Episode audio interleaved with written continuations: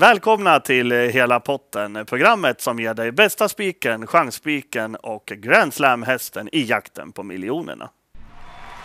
Programmet presenteras av ATG.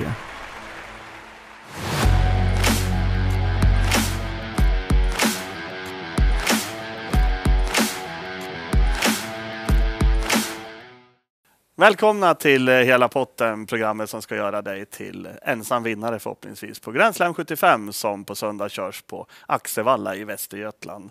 Och med mig från Travronens spel har jag Fredrik Lindman. Toppform? Uh, ja, absolut. Som vanligt sätter du två av tre. Jag tycker det känns som ni gör det varje söndag. Ja, just det. Förra veckan där var det två av tre eh, som vann.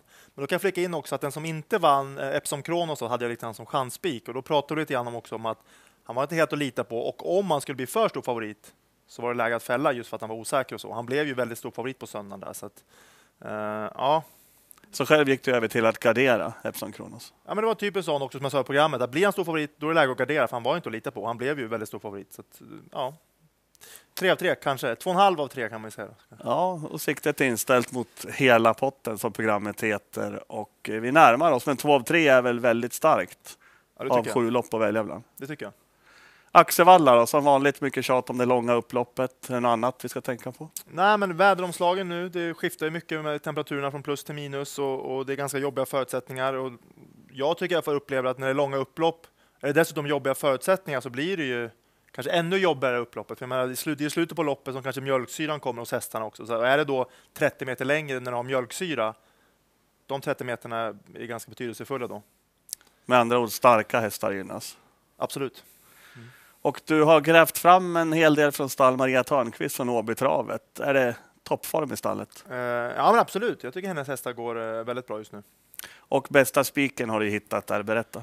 Mm, nummer 6, Gelato Pellini här i GS75 7. En häst jag har uh, följt länge, alltid gillat. En ganska stor häst som har behövt tid. Den alltid presterat bra, men det har synts att den har behövt lite tid för att växa i kroppen. och jag tycker att nu på sistone så har han visat liksom en ganska klar förbättring från lopp till lopp. Och utgångsläget? Eh, spår 6 eh, bakom bilen. Kanon, det är en spårtrappa så att hon har fått det av en anledning. Hon har tjänat eh, lagom mycket pengar, mer pengar än alla hästar invändigt. Hon kan öppna rejält eh, och som jag ser så borde hon faktiskt komma till ledning. Om det inte skulle bli så är det fortfarande en vettig spik? Uh, absolut, absolut, det är faktiskt några startsnabba invändigt här som kanske kan tänka sig köra i ledning. Så att, uh, det är inte alls så att jag bygger på att det är en spik bara för att de kommer till ledning, utan hästen går både från dödens, har vunnit därifrån och även bakifrån. Kan det här vara en häst som kommer att uh, rusa lite genom klasserna? ja, jag tror det. rusa, men jag tror att de har mycket pengar otjänat nu när de liksom, poletten börjar trilla ner på allvar. Det låter som en stark spik med andra ord. Absolut. Och då letar vi vidare då efter den här Ska vi kalla den för chansspik eller är det ytterligare en bra spik? Eh, det är nog en, en bra spik skulle jag säga. Den här uh, nummer tre, Charlie Brown FR vi pratar om i GS754, tror jag kommer troligtvis bli favorit också. Men uh, kanske inte jätte, jättestor favorit. Han har fått sin, uh, det var en period här i Sverige, kanske förra året, då, han var väldigt, väldigt bra och favorit hela tiden på V75 och det var väldigt mycket snack om honom. Den liksom, kronan har hamnat lite på sned, så att jag tror kanske inte att han blir så bara stor favorit som han borde vara här. Det lilla fältet, hur passar det honom?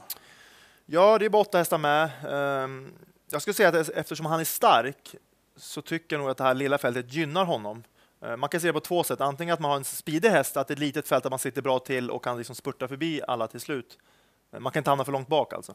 Men i det här fallet så är han ju stark, tappar ofta lite från början, så han hamnar ofta väldigt långt bak i fälten. I det här fallet så är det ganska litet fält, så det gör ingenting om man tar en liten lugn start. Han har inte så lång väg fram om man vill avancera till dödens till exempel, eller gå på 7-800 kvar. Så att jag skulle säga att det är en fördel för honom att det är ett litet fält. Så det finns ingen chans att han kan hitta till ledningen efter ett varv eller något? De har inte den respekten för Dan för den här hästen? Uh, han kan såklart, det beror på hur hårt eh, uh, Jeppson kör, men det beror också på hur stor favoriten blir. Blir han jättestor favorit och Jeppson kör offensivt, så absolut. Men annars finns det några tuffa, halvtuffa hästar i det här loppet som säkert vill prova i ledning. Men uh, som sagt, sitter man andra, tredje ytter så kan man sitta ganska länge med en sån här tuff häst. Uh, annat om man sitter femte, så det är fullt fält, man sitter sjätte ytter. Liksom. Det, det, blir väldigt långt fram. I det här fallet så kommer det inte bli så långt fram. Så att, nej, det känns väldigt bra med litet fält för Charlie Brown FE. Det låter som att vi har två starka spikar. Det brukar man behöva på Axevalla, för där brukar det kunna skrälla rejält i de andra loppen. Precis. Och då ska du få avslöja din eh, Grand Slam-häst för omgången. Var hittar vi den? Ja, men hittar vi GS756 så här är Maria Törnqvist igen då, med nummer två, King Only the One. Och eh, spår två där, om vi börjar där. Ingen startsnabb häst, eh, så det är absolut ingen spetsbud så, men eh, sitter bra till direkt. Det är ju andra spår, så man behöver inte ha bråttom från början. Eh, och sen hästen är ju väldigt bra bakifrån och, och tuff, så att, nej, optimalt spår. Vad är det den har visat som gör att du lyfter fram den som bästa Grand Slam-häst? Ja, men raden är ju inte jätterolig. Senast blev det galopp, 400 kvar, men då fanns det krafter kvar. Såg väldigt fin ut. Gången innan var han uppanmäld. Såg väldigt fin ut då i skymundan. Kördes lite snällt, men fick krafter kvar, eller sent fritt och gick med full fart över mållinjen. Så han är mycket bättre än vad raden visar. Hur skulle du taxera vinstchansen där? Skulle det här kunna vara för en riktigt vågade en spik till och med?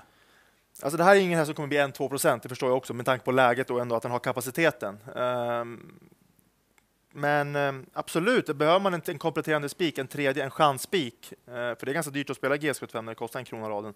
Då kan det här absolut vara liksom en chansspik om man blir stannar på 10-15 procent eller något sånt om man vill ha en sån.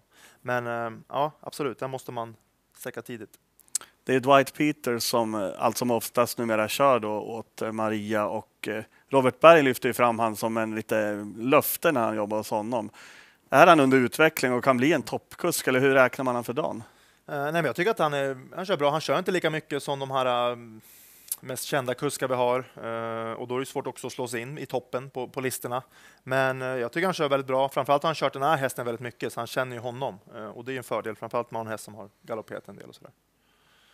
Låter som tre av tre på söndag. Ja, jag tror faktiskt det.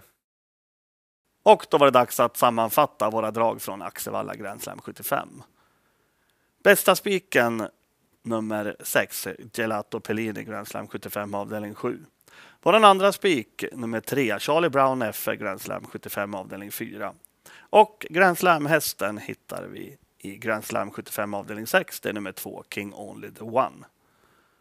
Och det är dags att eh, tacka ni som har tittat på programmet. Lycka till så ses vi nästa vecka.